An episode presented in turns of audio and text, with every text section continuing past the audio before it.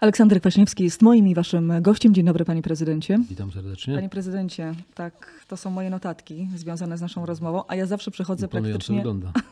bez notatek. Albo jak już mam, to, to rzadko do nich zerkam, ale dzisiaj będę się trochę posiłkować, bo mam tutaj kilka e, wypisanych e, cytatów. Aleksander Kwaśniewski, prezydent, wydał e, książkę Prezydent. No, chyba nazwa nie mogła być inna. Jestem, właśnie się tutaj mm, przyznałam, że nie dotarłam jeszcze do końca, z, ale jestem, to trzy czwarte mam już za sobą. Ale panie prezydencie, mm, o książce oczywiście e, będziemy rozmawiać, bo pewne wątki będą się e, przeplatały. Natomiast e, chciałabym złożyć i dotrzymać słowa, że przez 45 minut pozwoli pan, że nie będziemy rozmawiali o polityce. Postarajmy się. Jest pan w ogóle w stanie wytrzymać 45 nie, minut bez jestem w stanie polityki? wytrzymać dużo dłużej, jeżeli pani Naprawdę? Chce, no naprawdę, nie. Ja, ja jestem też zmęczony polityką i w gruncie rzeczy nawet bym sobie cenił to, że nie będziemy mówić o polityce. Ale będziemy mówić o politykach, no bo o czymś musimy rozmawiać. No właśnie. Panie prezydencie, e, przygotowując się i czytając e, książkę, ale też pozwoliłam sobie trochę zasięgnąć e, języka u pana przyjaciół i jestem nawet mile zaskoczona, bo dość otwarcie przyjęli robiąc res- research, przygotowując się do naszej rozmowy. Jedna z osób z bliskiego grona pana powiedziała tak, że cytat. Olek nie cierpi polityki, E, i nigdy do niej nie pasował, ale był w, w tej polityce praktycznie od zawsze i odegrał wielką rolę i będzie uznawany za jednego z największych Polaków tego kraju. Prawda czy fałsz? Znaczy, nie, nie, ja, ja inaczej to widzę. Ja uważam, że w polityce ma pani dwa rodzaje ludzi. Od polityki uzależnionych i tych, którzy traktują politykę bardziej jakby swobodnie, no, z większym dystansem, y, y, także do samego siebie. Ja należę niewątpliwie do tej drugiej grupy. Znaczy, ja nie jestem od polityki uzależniony. Znaczy, wyobrażam sobie życie bez polityki, wyobrażam sobie życie poza polityką. Y, To nie jest tak, że. że, że a mógłbym wskazać pani parę osób, które są uzależnione od polityki. Y, I, Na przykład? No, na przykład Jeżeli Jarosław mówić Kaczyński, nazwiskami. nie, na przykład y, Roman Giertych, żeby pójść po różnych ugrupowaniach, na przykład Leszek Miller. No to są ludzie, którzy bez polityki absolutnie żyć nie mogą. Wszystko się kręci wokół tego. I są tacy, którzy jakby uprawiają politykę, ale mają wystarczająco dużo dystansu do niej. Ja na pewno, ja na pewno należę do takich. Natomiast nigdy bym nie powiedział, że nie lubię polityki, bo, bo to wtedy to byłby rodzaj masochizmu, żeby tyle lat siedzieć w polityce, zajmować się tym, co robiłem. Więc ja politykę staram się rozumieć, uprawiać ją dość profesjonalnie, ale też, żeby, jak mówię, nie, nie, nie ulec jej, żeby to nie była sytuacja, w której to nie ja uprawiam politykę, tylko upra- polityka uprawia mną, że tak powiem. Zanim kolejne pytanie i kolejny cytat, to muszę powiedzieć, że pańska córka Ola Kwaśniewska e, była też w tym studiu i też rozmawialiśmy trochę o, e, o panu. I co mnie bardzo zdziwiło, to to, że właśnie opowiedziała, że w ogóle praktycznie jak się spotykacie, to o tej polityce nie rozmawiacie. I mówię do Oli, "I Ola, a jak to, jak to możliwe, że, że wy nie rozmawiacie o polityce w domu? Wie pani, o polityce się rozmawia wtedy, kiedy są jakieś bardzo takie mocne wydarzenia. No wtedy nie sposób uciec mm, od tego, ale jak się spotykamy, to staramy się mieć y, inne tematy. No. Y, Ja akurat w niektórych jestem dosyć słaby, bo y, kiedy, kiedy Ola, Kuba, czyli jej mąż, moja żona mówią o, o muzyce, no to ja się specjalnie nie wtrącam, bo mam poczucie swojej niekompetencji. Bo dla mnie muzyka to jest czymś towarzyszącym, a nie jest jakąś taką pasją samą w sobie. Ale na przykład cieszę się, że z Olą, ona ma to po mnie, mogę bardzo kompetentnie pogadać o sporcie. Ola się świetnie zna na przykład na tenisie i bardzo kibicuje i ze świątek, ale nie w takim kibicowskim stylu, tylko rozumiejąc te wszystkie psychologiczne zawiłości i tak dalej, ale, ale rozumie to, rozumie tenis, rozumie mm, e, tą walkę, która się tam dzieje, więc y, y, rozmawiamy o psach, ponieważ jesteśmy wszyscy psiarzami, jest z nami Lula, która jest wspaniałym y, psem. Ola ją wzięła z, no to był gdzieś porzucony psiak i jest taka fundacja, która zajmuje się takimi psami, więc ta Lula przyszła do nas i zawojowała nas wszystkich. Więc to jest kolejny temat. Rozmawiamy o podróżach, rozmawiamy o miejscach, które odwiedziliśmy, rozmawiamy o literaturze dużo, bo wszyscy coś tam czytamy i chętnie dzielimy się tym. Rozmawiamy o filmach. Szczególnie w okresie przedoskarowym to jest taki temat, że każdy z nas obejrzał jakiś film i dzieli się, czy, czy to jest szansa na Oscara, czy nie jest. E, Ja najczęściej taki pobudzony filmowo jestem po długich podróżach e, samolotowych e, ponieważ tam wtedy oglądam no, wszystko to, czego nie obejrzałem wcześniej. Czyli zazwyczaj teraz leciałem do Seulu, więc obejrzałem trzy filmy w jedną stronę, trzy filmy w drugą stronę, razem sześć. I, i, i z Olą miałem też i z żoną mieliśmy świetną rozmowę na ten temat. Także to tylko potwierdzenie, panie prezydencie, że na pewno nie jest pan uzależniony od e, polityki, chociaż e, tak jak nie, powiedział nie, nie pan... jestem, wie pani, powiem więcej, że podejrzewam, że gdyby polityka była takim dominującym tematem, w naszym życiu codziennym, to to było strasznie trudne, no bo, bo to byłby taki jakby ciągle ten ciężar i, i, i, ten zaduch, że tak powiem, który niestety polityce bardzo często towarzyszy, byłby obecny. A tak to mamy trochę otwarte okno i świeże powietrze. E, o tej muzyce już kilka pytań mi się nasunęło na myśl, ale o, o tym za chwilę. E, chciałabym jedną rzecz tylko e, jeszcze przytoczyć a propos. Tej rozmowy z e, osobami z bliskiego e, pana otoczenia. Taka opinia, która też e, krąży i uważam, że akurat jest trafna. Jest tylko trzech Polaków, którzy mieli możliwość poznania wybitnych osób, wybitnych postaci z różnych dziedzin w niecodziennych okolicznościach. To jest tak. Papież, Donald Tusk i Aleksander Kwaśniewski. Pytanie, czy pan się z tym zgadza, czy nie? Nie, no tak, no ja myślę, że, że, że to prawda. No nie wiem, czy kogo, no ale pewno trudno było z Polski kogoś dodać, bo e, Donald Tusk e, miał okazję widzieć całą czołówkę światową, pięć lat pełniąc funkcję przewodniczącego Rady Europejskiej. Ja 10 lat byłem prezydentem i z tego tytułu, i później też po prezydenturze e, miałem okazję do wielu spotkań. No papież pewno spotkał najwięcej tych osobistości, bo one pielgrzymowały do, do Watykanu, ale ja bym jeszcze na tą, do tej listy dołożył Lecha Wałęsę, bo moim zdaniem... Wałę... Też mi zabrakło w tej liście, ale nie padło. Więc no nie padło, ale no to ja dodaję, widzi pani, ja dodaję, ponieważ uważam, że, że Wałęsa jako noblista, jako prezydent też miał okazję do spotkania szczególnych postaci.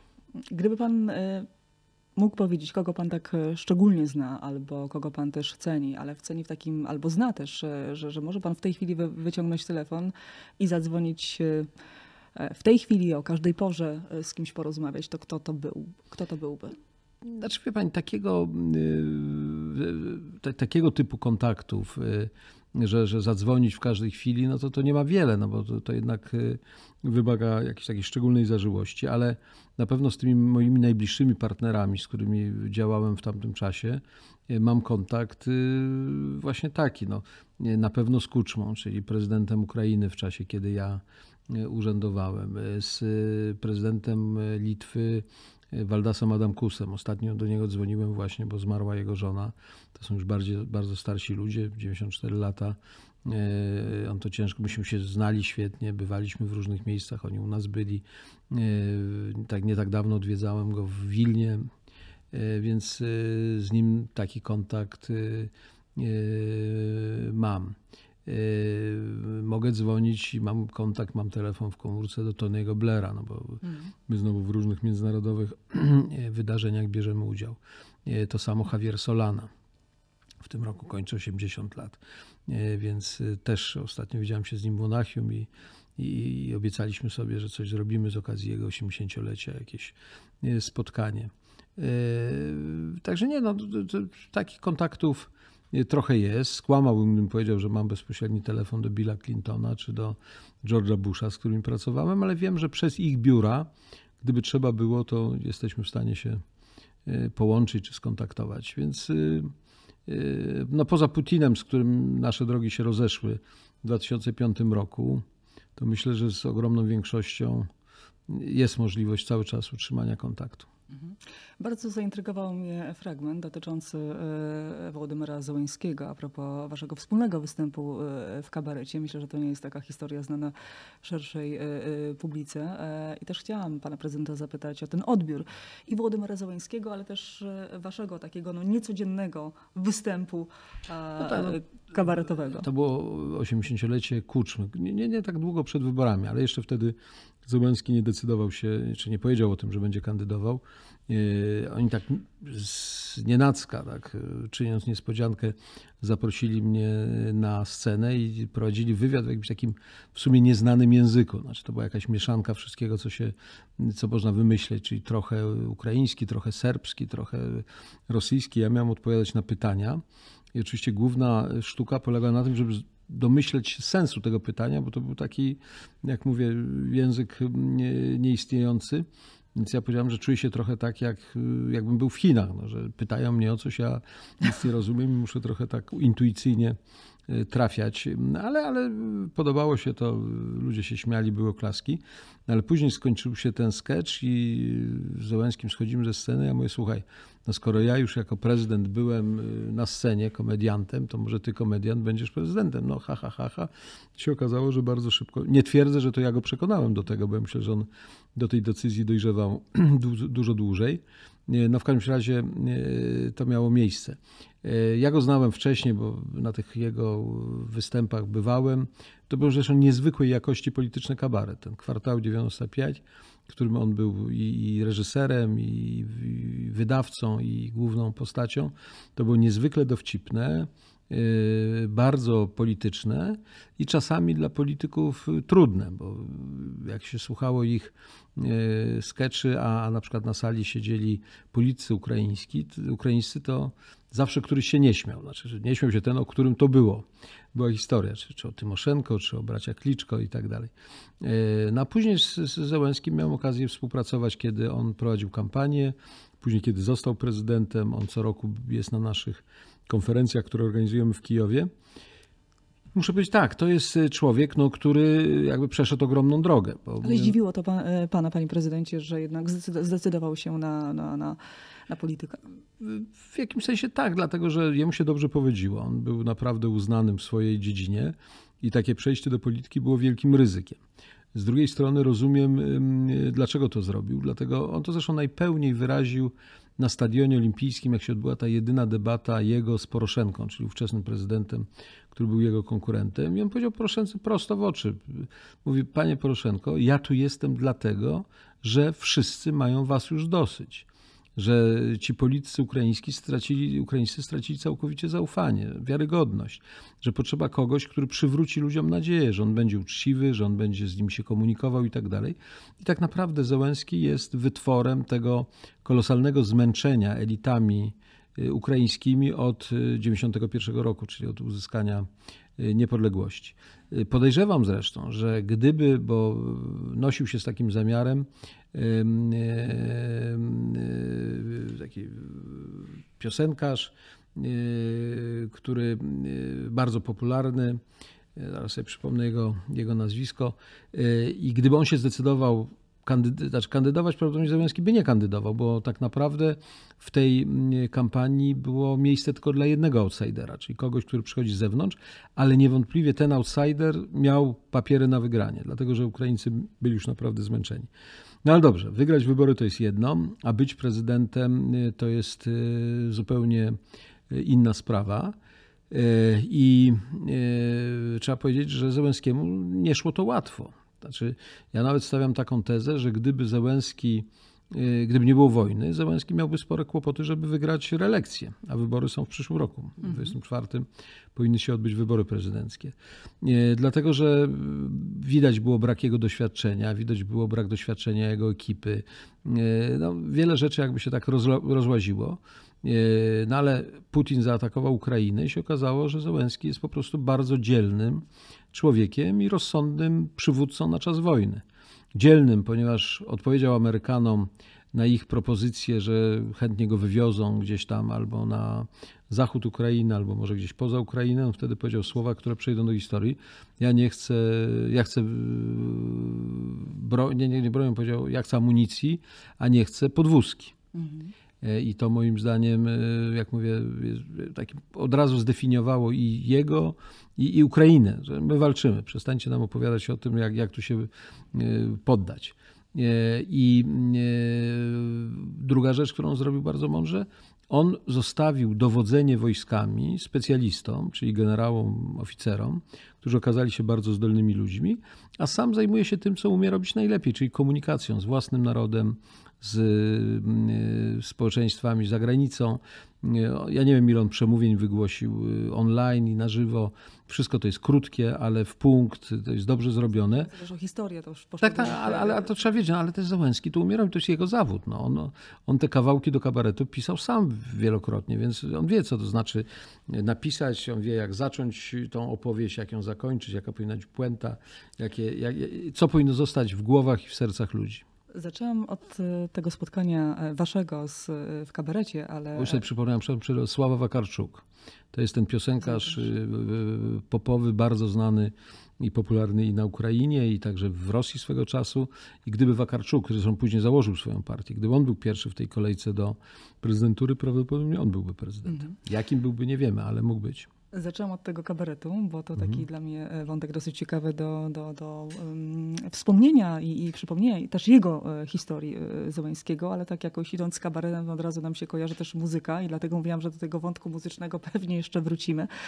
Ja pamiętam, panie prezydencie, e, mi się wydaje, że pan e, no, miał znakomite początki muzyczne w czasie kampanii prezydenckiej. Pamięta pan zespół Top One, prawda? Tak, ole, olek. E, Właśnie, e, no, e, wtedy bardzo mocno rozbrzmie, roz, rozbrzmiewał ten, ten utwór, ale mm, nie o tym e, utworze chciałam porozmawiać, ale też chciałam porozmawiać a propos takiego wspomnienia i też uważam, że to też może być e, ciekawa e, historia. Mianowicie interesuje mnie, jak to się wydarzyło, że znalazł się pan w filmie o o Clintonie, ale jednocześnie w filmie, w którym grali Rolling Stonesi, więc jakby ten Nie, nie, spektrum muzyczne chyba ma pan dosyć, dosyć Nie, szerokie, to czy był nie? Po pierwsze film nie o Clintonie, tylko o Rolling Stonesach. A o Rolling Stonesach, Rolling okej. Stonesach i kręcił go w końcu Scorsese. Martin Scorsese, czyli wielka postać.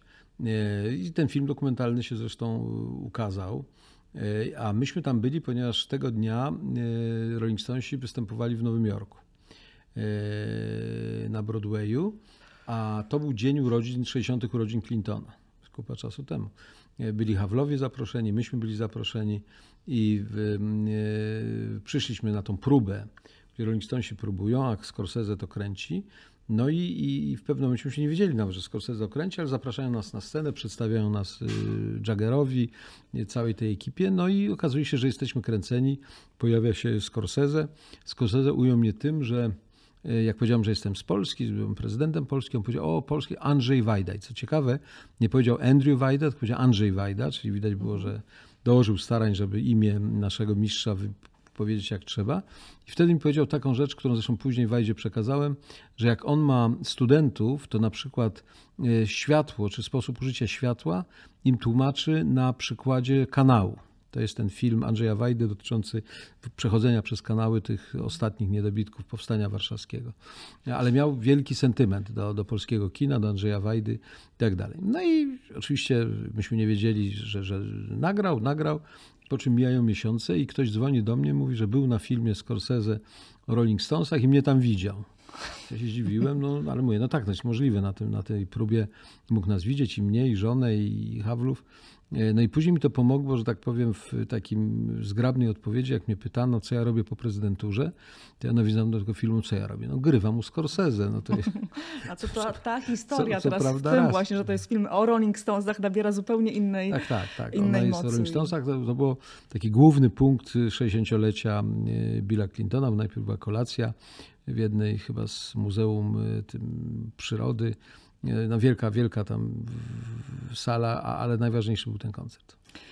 Panie prezydencie, dużo pan też opisuje w książce e, z takich swoich początków, w sensie swojego domu, e, swojego wyjścia z tego domu i pójścia dalej w Polskę. A ja chciałam się przy okazji tego zapytać, ale najpierw e, może ta, ta odpowiedź taka padnie, e, bo też e, dopytałam z pana znajomego, żeby nie powiedzieć nawet i przyjaciela.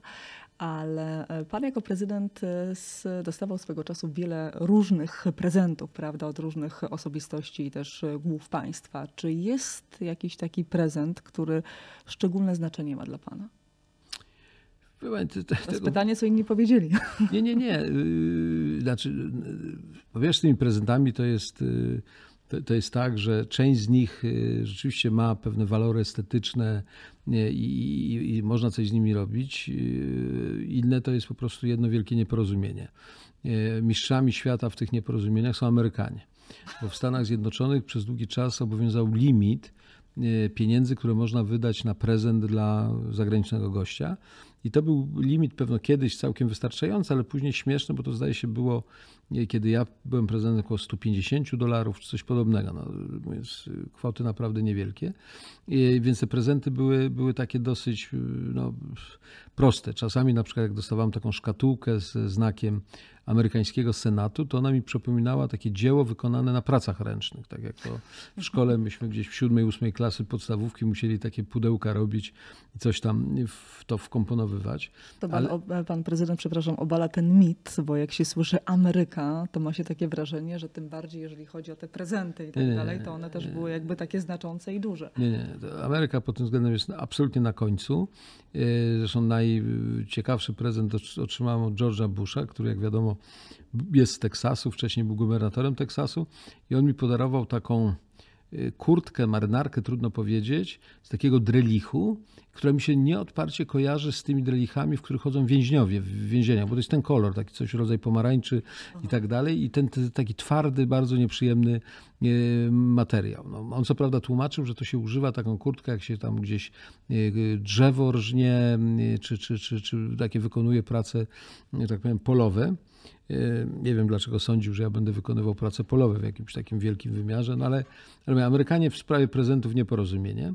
Po drugiej stronie są e, Arabowie, e, czyli Arabia Saudyjska i Emiraty i tak dalej, bo tam prezenty są po pierwsze duże i na bogato. Na przykład pamiętam, że od króla Arabii Saudyjskiej otrzymałem taką wielką jakby, taką, no jak to nazwać, no, rzeźbę, czy, czy, czy, czy mm, mm, nawet nie potrafię znaleźć słowa, no bo, bo, to było, gdzie były palmy, liście tych palm były prawdopodobnie z prawdziwego złota, pod tym były jakieś, byli beduini, były wielbłądy, to wszystko było pod taką wielką szybą, ważyło to chyba z 20 kg albo więcej.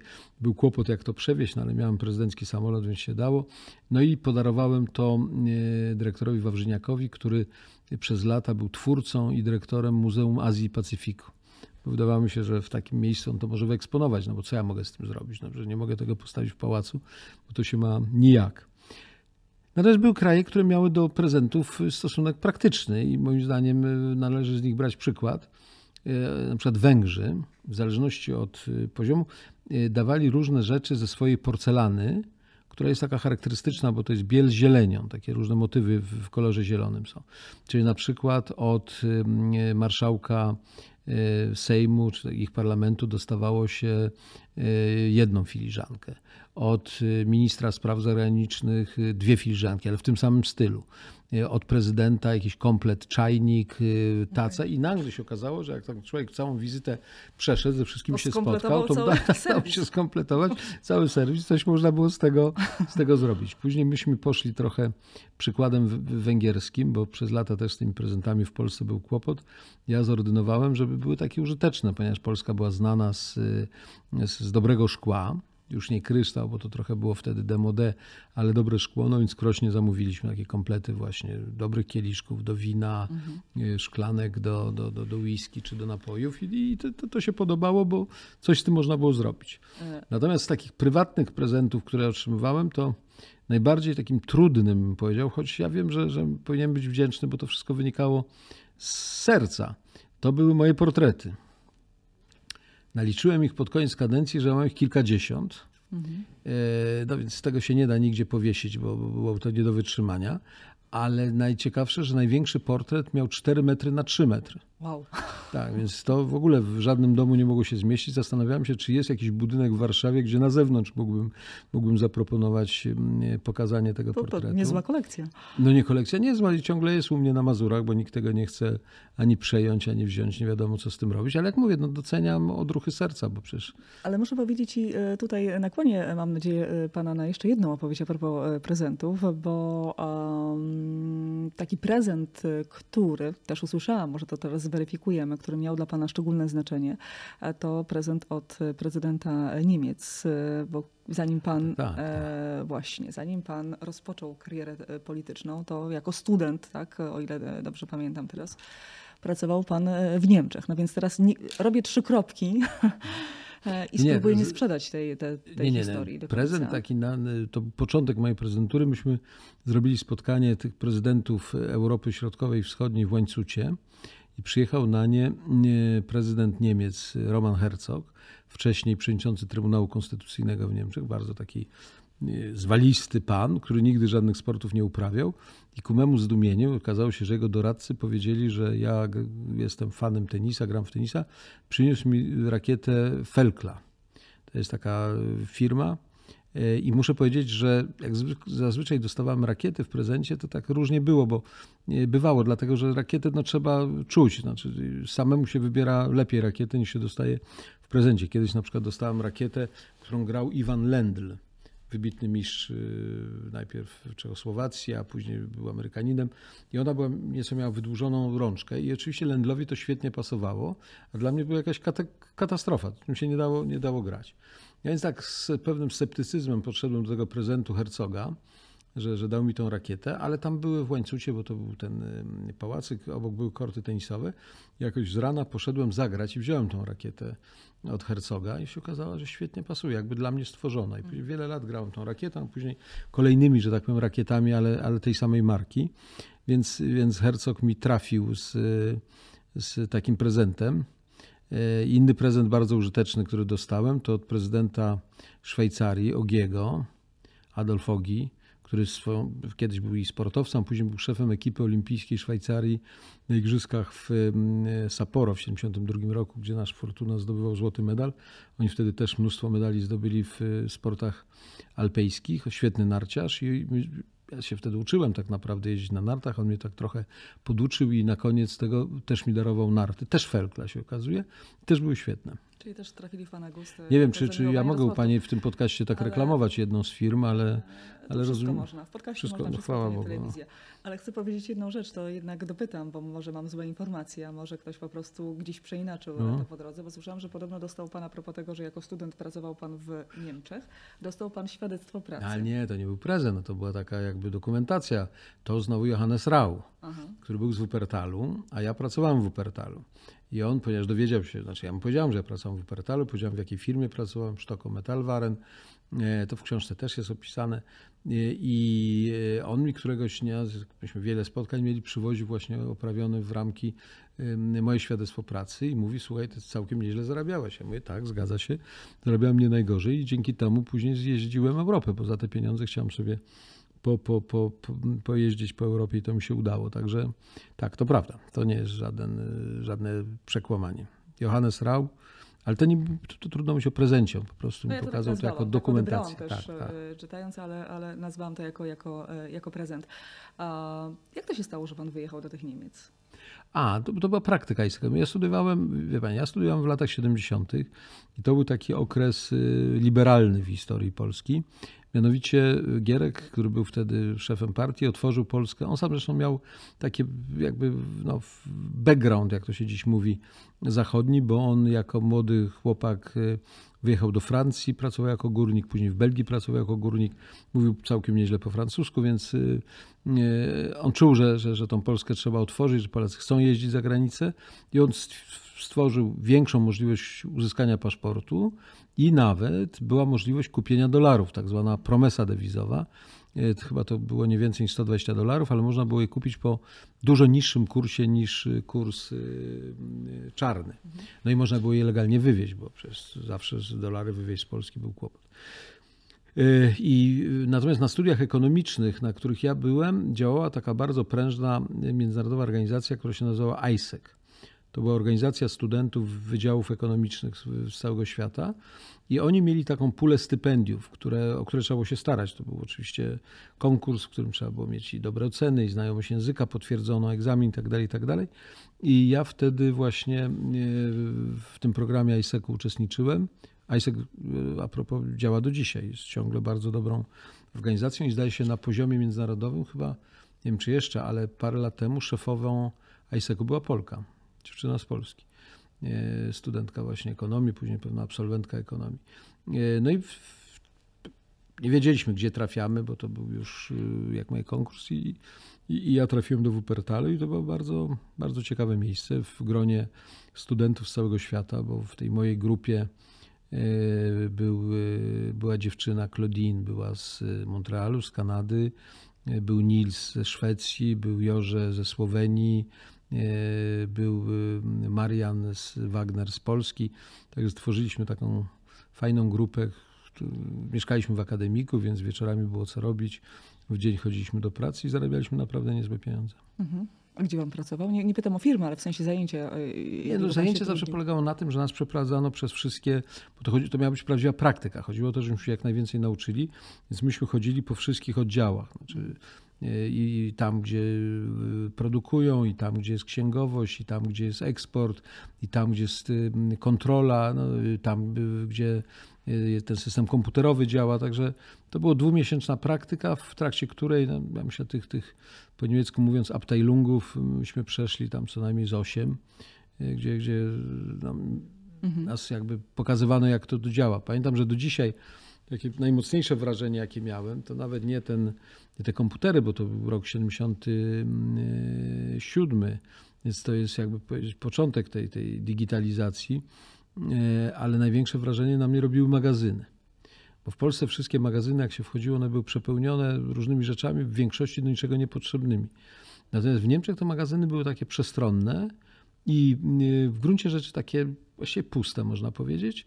I natomiast y, kontrola polega na tym, że jeżeli jakaś część się kończyła, to w odpowiednim momencie trzeba było ją zamówić, ona przychodziła. Czyli nie było tego, co, co było w Polsce, tej, tej gospodarskiej niedostatku, że, że już jak miałeś kupić śrubę, to najlepiej było kupić pięć, bo nie wiedziałeś, kiedy następnym razem dostaniesz. A tam jak mhm. potrzebna jedna śruba, to się zamawiało i wcześniej pocztą przychodziła ta, ta śruba czy, czy, czy, czy te części, więc ten magazyn taki pokazywał właśnie, jak, jak gospodarka może być dobrze zorganizowana, gdzie, gdzie po prostu potrzebujesz, to masz. Nie, nie, ma, nie ma gospodarki niedoborów. Pana historia rodzinna z, ze strony pana mamy jest dosyć trudna. Mówię o tym wyjeździe, właściwie ucieczce, można powiedzieć, czy przesiedleniu właściwie z Litwy. O, e, czy przez tą historię te relacje z prezydentem Litwy były e, w związku z tym bardziej szczególne? No, tak, tak. No, dlatego, że jak mówię, no, część całej rodziny mojej ze strony mamy jest związana z Wilnem i z Wileńszczyzną. E, oni zostali stamtąd e, wysiedleni przez, mhm. przez e, NKWD, przez, przez Rosjan. Trafili w Polsce na ziemię zachodnie i tutaj jak już jakoś się urządzali i, i żyli, więc ten rodzaj sentymentu był. Natomiast ja nigdy nie, nie, nie znaczy ja nigdy nie byłem jakimś takim rewizjonistą, że tak powiem, który oczekiwałby, że, że my powrócimy na te, na tę ziemię. Natomiast... Ale padła taka propozycja a propos Nie, ale to, to, to miał, miał y, takie pomysły, bo ja myślę, że to nawet no z jego strony to był naprawdę wielki gest. Jak ja przyjechałem, jak ja zostałem prezydentem w 1995 roku, to moja pierwsza oficjalna, oficjalna, bo z nieoficjalną wizytą byłem na początku w trzech stolicach. Byłem w Berlinie, w Paryżu i w Brukseli. Natomiast y, z oficjalną wizytą, z całym protokołem, z tymi kompaniami honorowymi i tak dalej, pojechałem do Wilna. to był taki istotny gest z naszej strony, że, że, że my chcemy tutaj być razem z Litwinami w tej drodze do, do NATO i do Unii Europejskiej.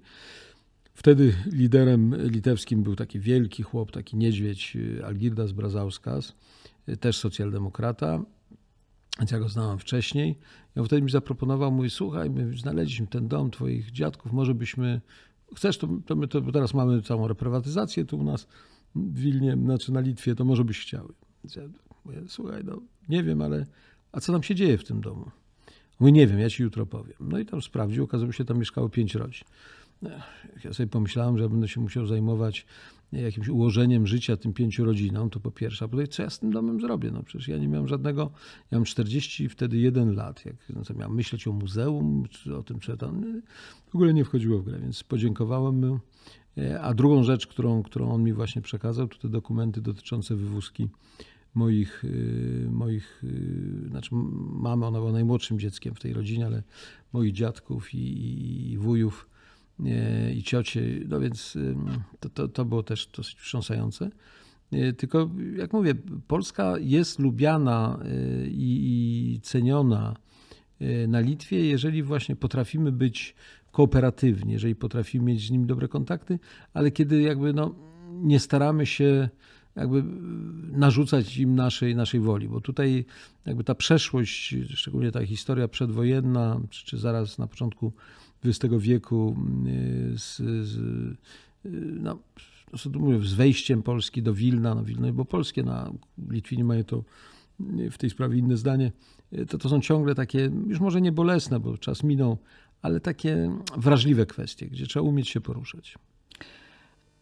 Patrząc na początek pana prezydentury, e, e, to mm, panie prezydencie, no to była jedna z chyba najbardziej burzliwych e, nocy i ten podział społeczny był tak duży, że nie wiem, czy on wtedy chyba nie był, mm, może mm, pan ma inne odczucia w porównaniu z tym, co teraz dzieje się w polskiej polityce, ale patrząc na tą noc samego wyboru prezydenta, czy nie były większe emocje niż nawet to, co czasami teraz nam w polskiej polityce towarzyszy, no bo generalnie część z osób szło z przekonaniem, że prezydentem będzie Lech Wałęsa, a budziło się z nowym prezydentem e, e, Aleksandrem e, Kwaśniewskim.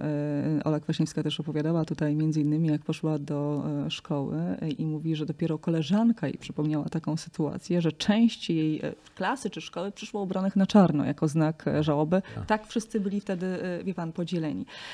E, ale pozwolę sobie zacytować e, też e, słowa, które miał do pana powiedzieć Jan Nowak-Jeziorański, że kiedy został pan prezydentem, był oczywiście pana wielkim przeciwnikiem, powiedział, że to jest totalny koniec, że nigdy między innymi też nie wprowadzi pan Polski do NATO. Przeprosił? Tak, no przeprosił po wielu latach i to ku memu wielkiemu zaskoczeniu, bo zaprosił mnie, wieloletniego ambasadora w Waszyngtonie, Jurka Koźmińskiego, mojego dobrego kolegę i mm, Chrisa Hilla, który był w, e, wtedy ambasadorem amerykańskim w Warszawie, na kolację do siebie. On miał taki nowy apartament na Powiślu i to było bardzo charakterystyczne. Mnóstwo poloników w tym, w tym apartamencie, ale e, taki zapach tego, takiej świeżości, co zazwyczaj jest trudne u ludzi, którzy są już bardzo, bardzo dojrzali, mówiąc delikatnie, a Nowak już był ostro po, pod dziewięćdziesiątkę. Tak, mhm. Zrobił to duże wrażenie, że, że, on, że on jest ciągle młody, że, że on nawet chce mieć takie młode mieszkanie, nie takie zagracone, nie takie pełne, pełne tych wszystkich pamiątek. No i y, była dobra kolacja. I na koniec tej kolacji już żegnamy się, on do mnie mówi, mówi, panie prezydencie, ja muszę pana przeprosić. Ja się zdumiałem, za co on ma mnie przepraszać. Ja mówię, nie, nie, ale dlaczego? A Nowak mówi, yy, pamięta pan tą debatę? Ja mówię, pamiętam, mówiąc szczerze, pamiętam ją trochę jak przez mgłę, bo to były za duże emocje, że mi pamiętają mm. w szczegółach, a później nigdy sobie nie odtwarzałem. To nie było tak, że ja tam ją co, co chwilę y, oglądałem. E, ja mówię, no ale, ale w czym rzecz? On mówi, bo wie pan, ja wtedy powiedziałem, że jak pan zostanie prezydentem, to Polska nie wejdzie do NATO. No, to sobie przypomniałem oczywiście, on takie twarde stanowisko wtedy wyraził, a ja mu tłumaczyłem, dlaczego Polska wejdzie do NATO, że ja gwarantuję, że ta część, która wątpi, czy która ma jakieś tam z tym związane dylematy, będzie przekonana. No ale daję mu mówić i on mówi do mnie i chce panu powiedzieć po latach, że nie dość, że Polska jest w NATO, to pan tutaj odegrał, odegrał absolutnie zasadniczą rolę, za co jestem panu wdzięczny. Co mnie niezwykle ujęło, bo mówiąc szczerze, człowiek, który e, ma taką pozycję, taki autorytet, dochodzi dziewięćdziesiątki, że ma ciągle taką wewnętrzną potrzebę, żeby jednak wrócić do tego. Tam widać, siedziało mu to e, gdzieś tam w sercu, sercu. Było, było zadrą. Więc no to, to, to jest piękne i pokazuje klasę tego człowieka, bo muszę powiedzieć, że tego typu, on był, on był bardzo pobudliwy, on był bardzo taki radykalny czasami w swoich sądach, mówię o Nowaku Jeziorańskim, ale, y, a wiem o tym, ponieważ on był u mnie w kapitule Orła Białego, ja wiem, jak myśmy dyskutowali różne postaci, czy należy im się orzeł biały, czy nie, no to Nowak należał do takich najbardziej twardych, że tak powiem, czy twardo argumentujących y, członków tego grona. Ale jak y, zobaczył, że coś jest nie tak, że się myli, to potrafił przyznać się do błędu i potrafił głośno przeprosić. To jest rodzaj takiej dżentelmenerii, która właściwie we współczesnej polityce już w ogóle nie istnieje, niestety. Wracając jeszcze do tych początków, e, bardzo istotnych, a właściwie nawet nie początków, e, też patrząc na pana e, prezydenturę. I teraz niestety trochę się złamie, ale tylko trochę a propos e, polityki, e, bo odniosę to do tego, co dzisiaj się dzieje. Kiedy pan wstępował na urząd, to już, jak już powiedziałam, ta Polska była tak mocno podzielona, że część wierzyło w pana, druga strona była całkowicie przeciwna, ale przez 10 lat właściwie nie kopał pan tych rowów, tylko zasypał te, te podziały i to się udało.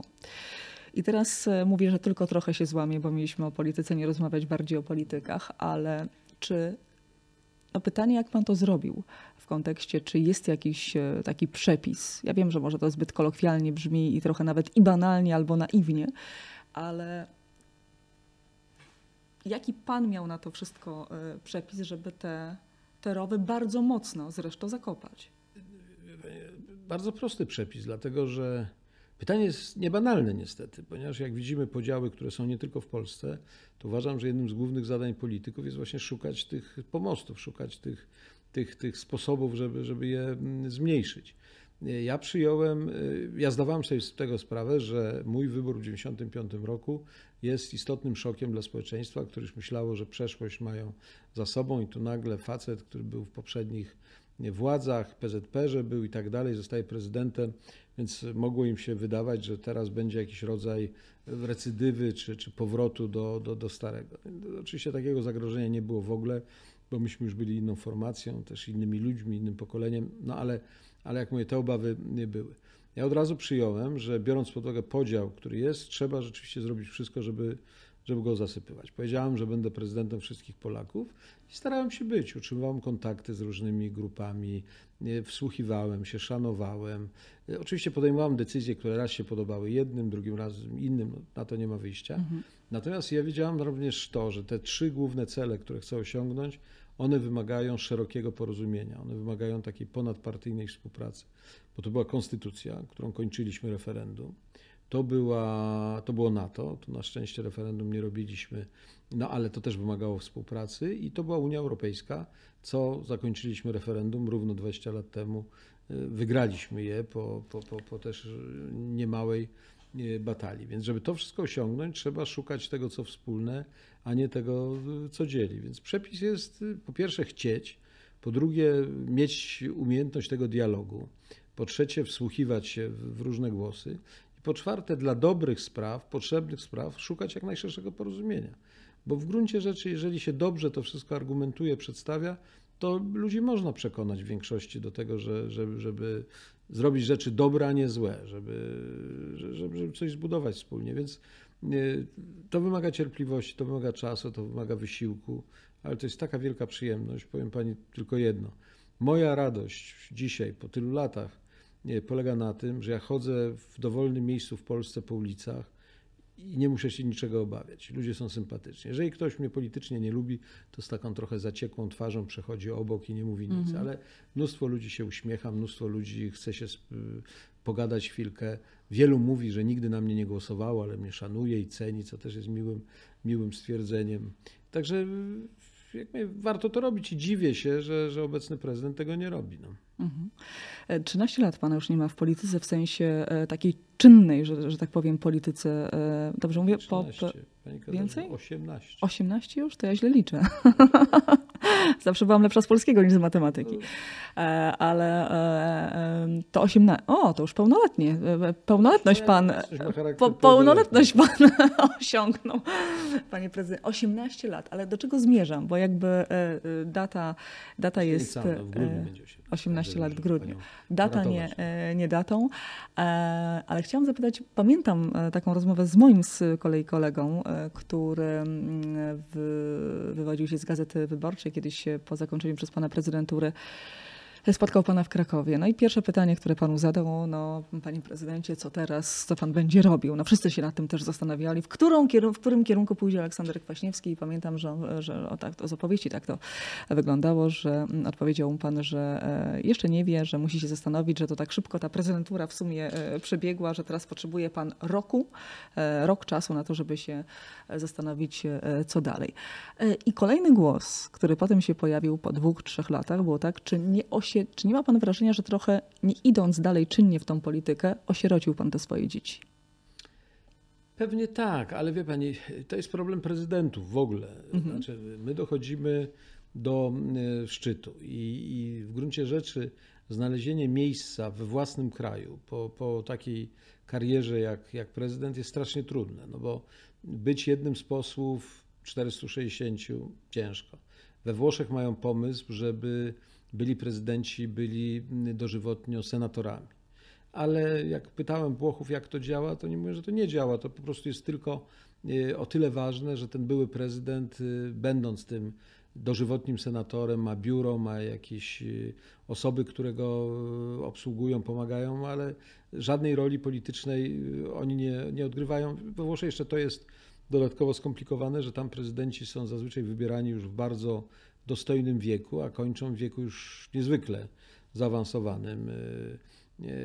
Giorgio Napolitano, mój dobry kolega z, z, z tej lewej strony sceny, był swego czasu ministrem spraw wewnętrznych. Jak został wybrany na pierwszą kadencję, miał chyba 84 lata, a jak w czasie drugiej już rezygnował, bo było tego za dużo, to już miał 90 parę, no więc trudno się spodziewać, że byłby jakimś tam aktywnym senatorem i to, to dotyczy też pozostałych. A to muszę się wtrącić na chwilę i, i zadać taki jak, jako przecinek. Czy pan prezydent uważa, że taki wiek w sensie kandydowania i tak dalej, to e, jest jeszcze, um, czy jest słuszne? Czy są to takie decyzje e, słuszne? Nie ma na to odpowiedzi. Ja uważam, że po pierwsze wybory mają to do siebie, że to ludzie wybierają. Czyli jeżeli uważają, że ktoś jest za stary, mogą go nie wybrać po prostu.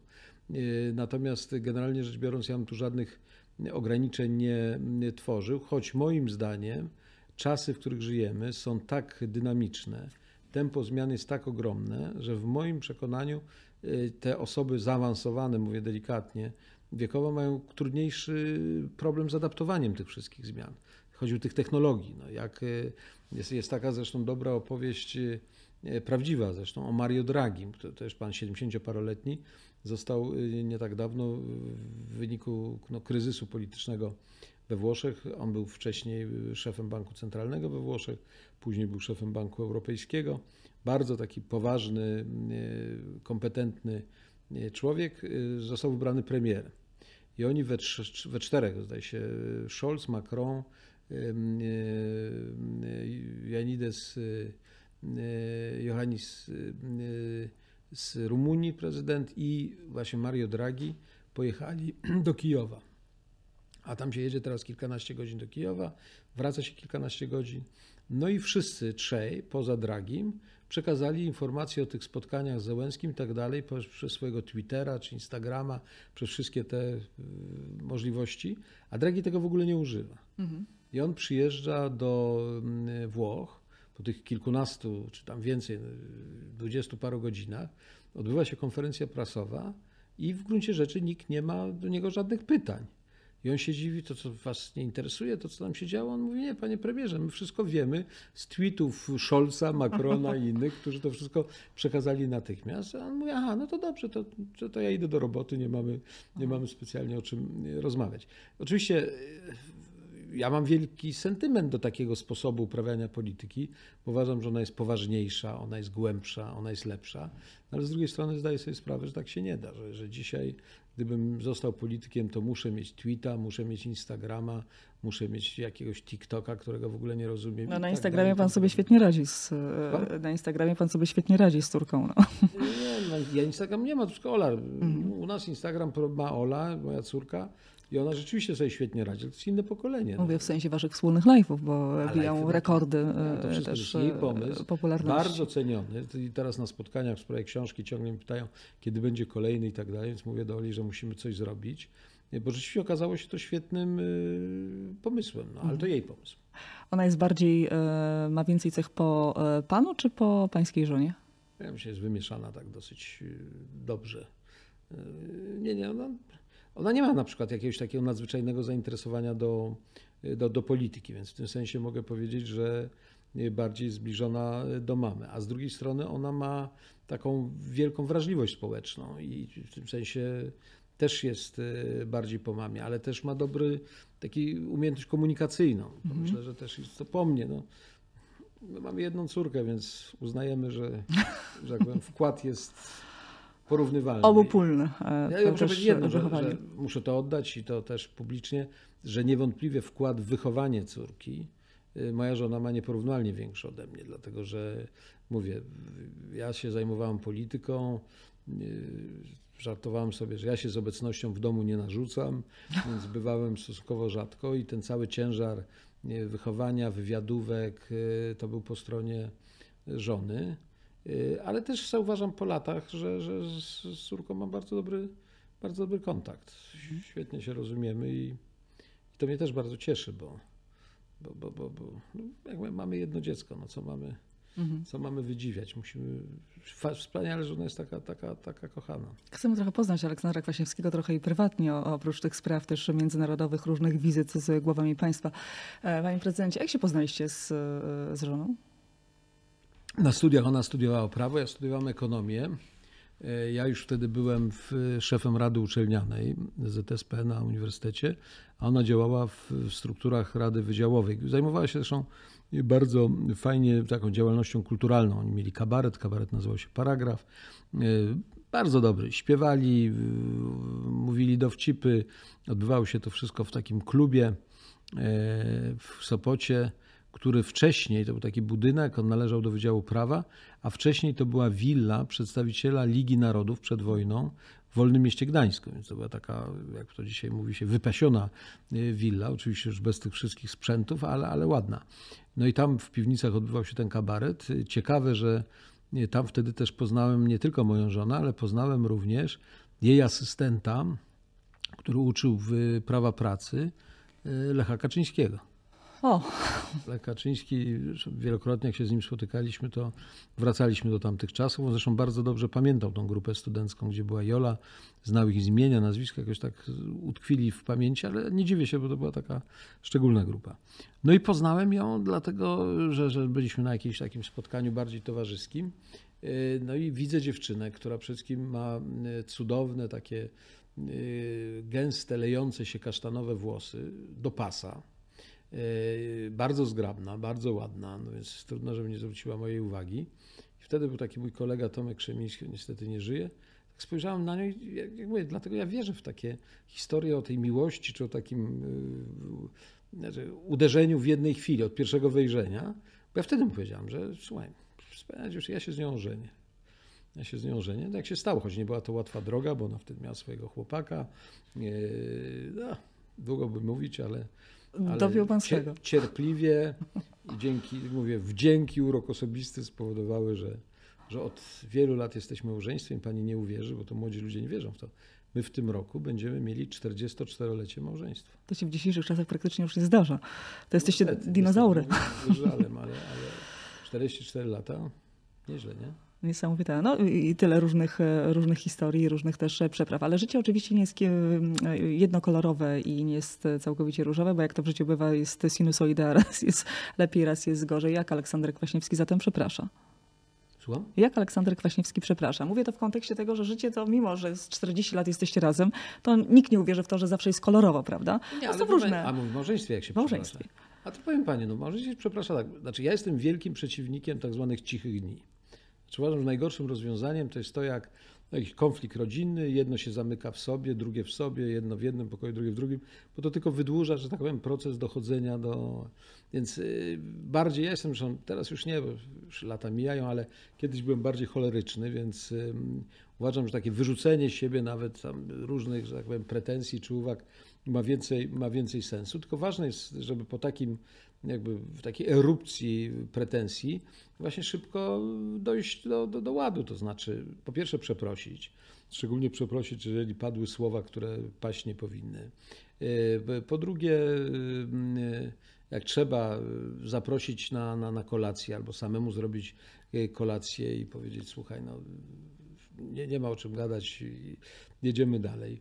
Yy, Uważam, że niezwykle ważne jest w małżeństwie, żeby nie tylko celebrować takie daty, które są, no wiadomo, no, urodziny żony, imieniny żony, rocznica ślubu i tak dalej. Ja jestem wielkim zwolennikiem, żeby na przykład kwiaty przynosić bez okazji. Mhm. E, Żeby również zapraszać żonę na różne przyjemności. A zdarzyło się panu jakąś rocznicę pominąć albo jakąś datę zapomnieć? się zdarzyło, naturalnie. No, mężczyzna jest niestety ograniczony w tych sprawach i to się zdarza. E, Ale, ale Teraz ma wiele ulepszaczy, no komórki, daty się zapisuje, No tak, prawda, ale, niż kiedyś ale, było. Ale jest jakieś tam zabieganiu i tak dalej. To trzeba szybko z tego właśnie wybrać, że przepraszam, zrobić to dzień później, czy, czy, czy, czy, czy tydzień później, jeżeli się już tak mocno zapomniało. My mamy jeden od wielu lat rytuał, e, którego pilnujemy, ponieważ listopad to jest e, po pierwsze miesiąc w Polsce no, trudny do przeżycia. To jest miesiąc samobójców, mówiąc szczerze. Krótkie dni, mokro, brzydko, szaro i tak dalej. E, A z drugiej strony listopad to jest miesiąc, gdzie w naszym życiu wydarzyły się rzeczy najważniejsze. 15 ja się urodziłem listopada, ślub wzięliśmy 23 listopada, wygrałem wybory w listopadzie, więc nie mogę narzekać, ale miesiąc pozostaje paskudny ze względów e, pogodowych. Więc od wielu, wielu lat staramy się uciec gdzieś za granicę, właśnie w tych terminach 15-23, to jest na szczęście nieodległe.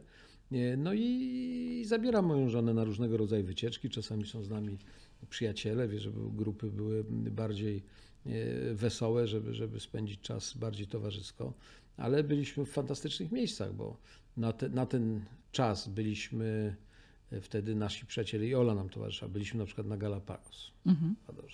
Byliśmy e, w Birmie, czy Myanmar, byliśmy w Istambule, byliśmy w Europie, to Wilno, Berlin i to takie rzeczy, to, to, to, to też. Byliśmy gdzieś tam w Tunezji jak wykładałem na Georgetown, spędzaliśmy czas w Waszyngtonie wtedy, byliśmy w Kolumbii. Także. Pół świata zwiedziliście. No tak, ale to jest taka fajna celebracja, bo to jest Aha. połączenie i tych, tych dat, a jednocześnie takiej przyjemności poznawania nowego, bycia w gronie przyjaciół, zarówno z kraju, jak i z zagranicy warto nawet zarabiać pieniądze po to, żeby je tak wydawać. Ja uważam, że nie ma lepszego pomysłu na wydawanie pieniędzy, jak właśnie takie ciekawe podróże. To jest 100 razy lepsze niż kupowanie kolejnego tam czegoś, samochodu, który wymaga e, benzyny, czy mieszkania, które wymaga sprzątania i opieki, więc ja uważam, że podróżowanie to jest, e, to jest wspaniały pomysł, a w tym roku no, realizuję część mojego marzenia, ponieważ moim marzeniem, już Jola się na to zgodziła, to jest to, żeby popłynąć dookoła świata. I też w listopadzie? No, najlepiej, mhm. najlepiej. No i w tym roku w listopadzie robimy tak gdzieś może jedną czwartą tego, bo zaczynamy w, w, w Stanach, a skończymy w Nowej Zelandii. Będziemy z gronem przyjaciół taki rejs odbywać. Świetnie mieć takiego męża. To o. pan planuje, czy pańska żona? Yy, nie, no ja, ja wymyślam, planuję, ale konsultuję. To znaczy, to, to, to nie jest tak, że że to ma być niespodzianka, że żona nie wie, gdzie jedzie. Nie? Bo ja uważam, że z niespodziankami trzeba być ostrożnym. Dlatego, że niektórzy bardzo tak zrobiłem niespodziankę i nagle wiozą e, swoją partnerkę, żonę i tak dalej. Miejsca ona spodziewa się, to będzie piękna plaża gdzieś tam, a wiozą ją na Spitsbergen. No i ona jest mhm. nieubrana, do tego nie ma butów. Nie zła. I... Zła i, całą przyjemność szlak trafi. Więc nie, nie, my to uzgadniamy, mamy plan, wiemy co robimy i, i spędzimy ten czas razem. No w miejscach, gdzie akurat ja tam w niektórych byłem, ale, ale Jola będzie po raz pierwszy, więc mhm. bardzo się cieszę. Muszę jeszcze zapytać e, o to, jakim pan jest e, właśnie teraz. E, no i teraz właśnie, żebym nie pomyliła, zawsze mam z tym kłopot. Teściem czy... Tak, teściem. teściem. Dobrze, teściem. Znaczy, no, pytanie powinno być do zięcia, ale... Ale pytam to w kontekście, no bo jak się ma jedną córkę, jedynaczkę i to jeszcze córkę, to różnie ojcowie z tym różni ojcowie mają nie, różny kłopot nie, z tym. Nie, nie, to, to jest jakiś tam kłopot. To nie, to nie jest takie proste, że, że yy, niech będzie kto, kto chce, byle już to mieć. Nie. Więc ponieważ ja wiem, jak Ola jest wartościową osobą, więc chciałem bardzo, żeby też yy, trafiła na bardzo fajnego partnera. I muszę powiedzieć, że yy, znaczy druga zasada, która jest żelazna, w ogóle nie wtrącać się w to. Znaczy, mhm. Ja uważam, że wszyscy ojcowie czy matki, które chcą urządzać życie dzieciom, to jest tragedia. Ponieważ te dzieciaki tak muszą to zrobić y, sama, a wszystkim na swoją odpowiedzialność. To znaczy, że nie może być odpowiedzi takiej, że no przecież to mamusia mi powiedziała, czy tatuś mi powiedział, a on jest taki czy inny. Nie, więc Ola jakby wybrała Kubę Badacha. Y, on jest bardzo, y, no to jest niezwykle zdolny muzyk, to jest bardzo pracowity człowiek. Uprawia ogromnie trudny zawód. Ja dopiero jak jak to widzę, uważam, że to jest zawód, kto wie, czy nie trudniejszy nawet od, tak, od bycia politykiem, ponieważ on właściwie jest ciągle nieobecny w domu. Y, koncerty to jest dla muzyków niestety główne źródło dochodu, bo nie płyty przecież, które, które sprzedają się za, za, za... Miała pewnie przygotowanie z domu, że tak, tak, tak powiem, a propos i, ale On jest profesjonalistą, więc on to wszystko musi dobrze zrobić, więc to kosztuje dużo czasu i tak dalej, ale, ale on to lubi, on to kocha. Jak ja go widzę na scenie, to ja widzę, że to jest jego żywioł, to jest jego, jego amplua. Y, więc... Ma pan jakąś jego ulubioną piosenkę? no, ja, ja, lubię, no, bardzo lubię tą piosenkę, którą nagrali, słowa są Oli, muzyka Kuby, którą oni nagrali dla Disneya, mm -hmm. do tego filmu, który zdobył zresztą Oscara, tego filmu animowanego. nie, nie, no, wzruszające słowa. Tak, tak. I słowa, bardzo piękna w ogóle, taki song, bardzo bardzo poruszający. Więc Ola wybrała, Kuba się okazuje wspaniałym człowiekiem, a ja jako teś, jakby, ja też mam tą zasadę, nie narzucam się. To znaczy, jak mam okazję się spotykać, to staramy się być ze sobą intensywnie, na przykład na nartach. To jesteśmy wtedy, ale jak, jak, jak nie, on robi swoje, ja robię swoje. Od czasu do czasu zadzwonimy, czy, czy przez Ole się dowiemy, co u kogo słychać i, i tak to jedzie. No, to są już duże dzieci jednak, także nie, nie, nie ma co ich prowadzić za rękę. Dają sobie radę więcej niż 45 minut. Ja dałam radę bez polityki, ale mnie tam ciągnęło do tego, żeby zadać e, panu polityczne pytanie, ale te polityczne pytania zostawię sobie na e, inną okazję i na inną, że tak powiem, e, antenę, bo do polityki będziemy niejednokrotnie wracać. Panie prezydencie, bardzo dziękuję za rozmowę. Ja Myślę, że niektóre też opowieści, które padły, a bardzo zależało mi na tym, żeby niektóre wybrzmiały też znajdziecie w książce Prezydent. Pięknie dziękuję. Ja dziękuję i wszystkiego dobrego. Thank you.